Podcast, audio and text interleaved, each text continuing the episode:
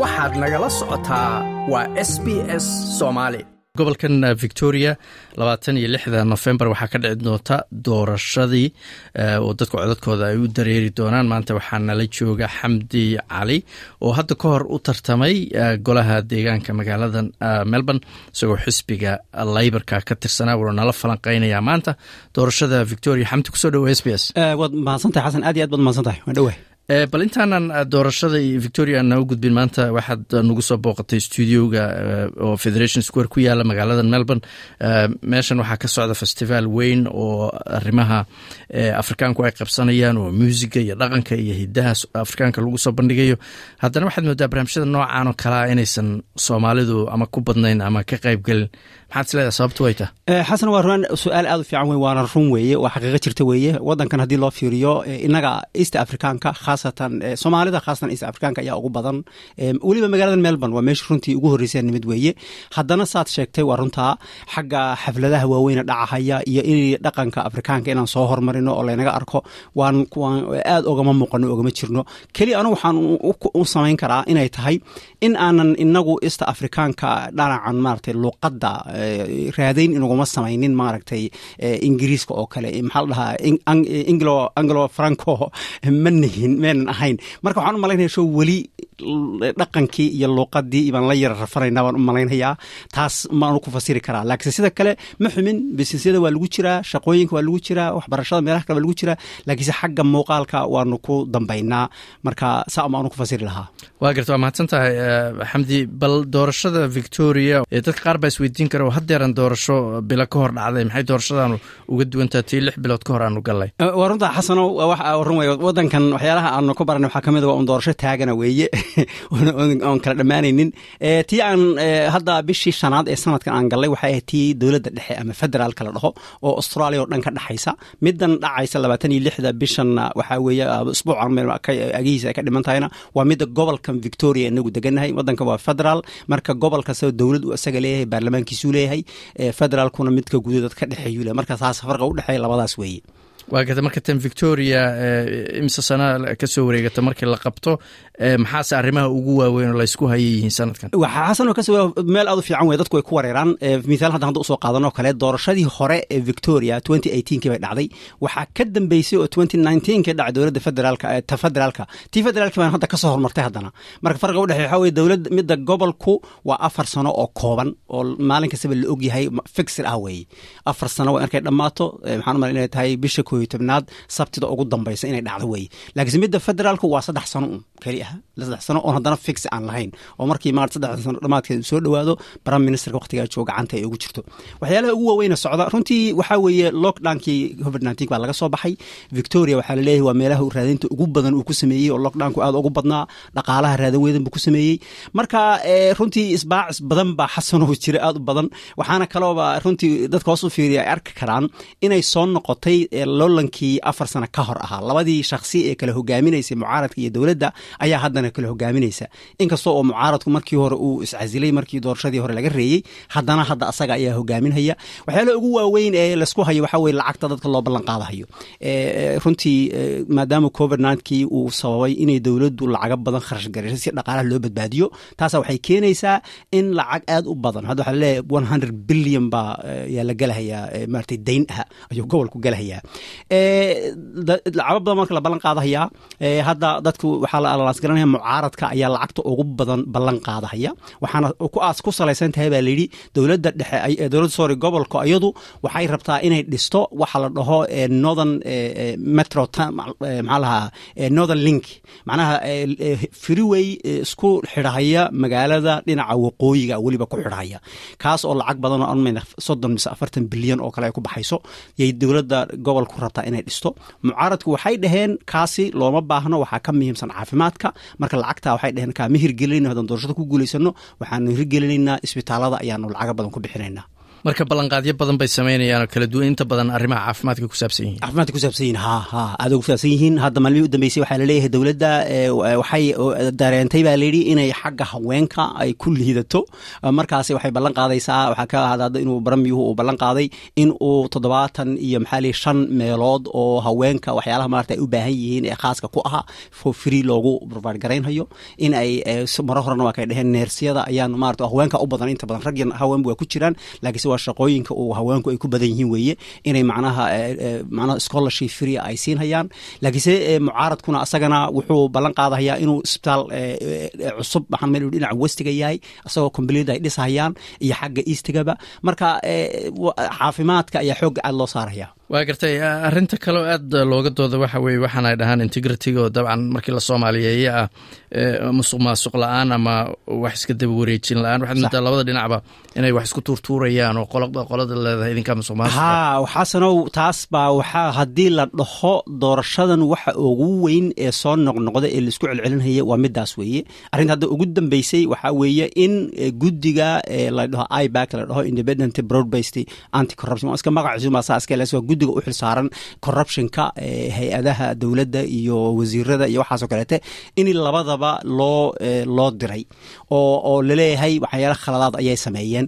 Marka taasaa runtii aad u soo noqnoqonaysa aadna loo celcelinaya. Markii ugu horreysay waxay ahayd runtii laybarka bay ahayd oo iyagoo wax la dhihi jiray reer shirts oo macnaheedu ay ahayd. Waxaa laga yaaba xasano hadda in yar intaa ku yaraysaa dadku inayna aad aynan u sii kala garanaynin weliba innaga meelahan ka nimid oo kale. Shaqaalaha embiyada ama dadka mudanayaasha ah ama shaqaalaha wasaaradaha waxaa bixiya waxa la dhaho taxi bayerka ayaa bixiya. Marka looma isticmaali karo urur shaqadiisa looma isticmaali karo. Waxyaalaha luubholka ay u isticmaalaan waxaa ka mid ahaa shakhsigu waa u shaqaalaysan yahay imbiga oo kale laakiinse tabaruc ahaan ayuu after hours ama maratay sabtidii axadoo kale yuu shaqo qabtaa asagoo dhahaya maratay waan tabaruchaya marka laybarka waxaa lagu haystay arrinta reer sheedka ahaa inay shaqaalahaasi oo de shaqaalihii dowladda ahaa oo taxi bayerka lacagtooda lagu bixinayey inay u isticmaaleen doorashada kambaynkeedii marka taasaa aad xoogga loogu saaray laybarka laakiinse liberaalkan asagana hadda midda ugu dambeysay waxaa weeye in uu iscasilay nin la taliyo uu ahaa ninka matthew guy ee hogaaminhaya asagoo oo yidhi nin taajir ahaa inuu weydiiyey lacag boqol kun aha inuu maaragtay ku tabaruco oo waa midda markaa guddiga doorashada oo arrintaas ay tahay shaqadiisa ay naftooda farageliyeen. Sababtoo ah la dhaho donationka ama tabarucaadka waa in la decleer gareeyo. Wuxuuna leeyahay limid uu bixin karo australia. Ruuxu intuu doono hadduu taajir yahay ma dhihi karo. Intaan doonaan iska bixin ma dhihi karo. Limid buu leeyahay waana in la sheego. Marka arrintaas waxaa loo arkay inay ahayd waxoogo yaroo la doonaya in la yar qariyo. Marka way soo baxday ninkii waa iscasilay taa marka weli iyagana way haysataa way daba socotaa waa gartay dabcan maamulka gobolku isaga mas'uulka markay noqoto amnigoo kale booliska iyagaa u taliya marka laga reebo federaal booliiska oo waddankao dhan dabcan jooga. Sanadkii hore waxaad moodaa amniga iyo kala dambeyntu inuu arrin weyn ahaa. Sanadkan ma ka duwan yahay waa ka duwan yahay xasanow runtii weliba waxaa kale ooba aad loo dareemi karaa sannadkii hore jaaliyadeenan afrikaanka ah inaanan ahaynba maxaa la jiray santarka gambeynka inaan ahayn oo lalahaa low an order oo weliba mucaaradka uu doonahayay inuu maarata ku guuleysto inay ay diiradda saarahayeen in jaaliyadda afrikaanku uu ku badan yahay oo maaragtay dhalinyaro weliba la leeyahay gang iyo wax noocaas lagu sheegahayey aad baa loo sheegahayay oo la haystay. Laakiinse dowrkan arrintii waxaad moodaa ma la sheegahayo waxaana anigu aan u eedeynhayaa arrintaas inay sabab u tahay ayada oo runtii ay dadka victoriaanka arrintaas ina yaraatee aynan aynan aynan maxaa la dhihi jiray ma impress garanin. Macnaha ma aynan xiisayn ina yaraatee sababtoo ahaa dowladda oo arrintaa iyadu ka soo horjeeday oo dhahaysay african ganga ma jiraan wax iishoo nooca ma jiraan ayaa si kheyru caadiya u guuleysatay. Waxaana kaloo xasan iyadan aad u xusuustaa dowladda federaalka ama doorashada federaalka oo loo malaynayey ayadana arrintaa inay sii wadi doonto markay ka dhacday victoria oo dowladdu ku guuleysatay maalinkaasa ugu dambeysay mar dambe laga hadlo. Marka hadda runtii thank god macnaha arrin wanaagsan weeye ma nihin kambaynka dadka lagu samaynayo ma aanunin hadda arrintaasi aad ooma saarno diiradda waa gartay xamdiyow dabcan laftigaagu doorashaad soo gasho sidaan bilowgii waraysigaba sheegnay oo adoo matalaya xisbiga laybarka. Yaad mar u tartantay golaha deegaanka magaalada melbourne. Marka markaad dadka soomaalida ku dhex jirtay oo kambeynkaas aad ku jirtay arrimahan hadda aad ka soo sheekaysay oo waxyaalaha xisbiyadu kala duwan yihiin iyo kan wuxuu ballan qaaday kan kale wuxuu ballan qaaday dad la socda oo ka warqabo oo joornaalada akhrista oo idaacadaha dhegeysta si marka ay meesha galayaan codka ay ku dhiibanayaan ay go'aankooda uu ku salaysan yahay waxay maqleen ama akhriyeen ama ka warqabeen ma yahay. Maya xasanow nasiib daro nasiib daro inagoo hadda la dhihi karo afartan sano ayaan sii cagacagaynaynaa intaan wadankan joognay. Weliba soddon sano markaad aan dad aad u fara badan inay joogaan runtii aad iyo aad ayaa loogu loogu liitaa xagga in la fahmo. Waxyaalaha ugu badan ee xasanoo la iweydiiye waxaa ka mid ahaa inaan labada urur xataa la kala garanaynin maxaa marka qaarkood is idhi liberal iyo libor labada urur ugu waaweyn baan oga jeedaa.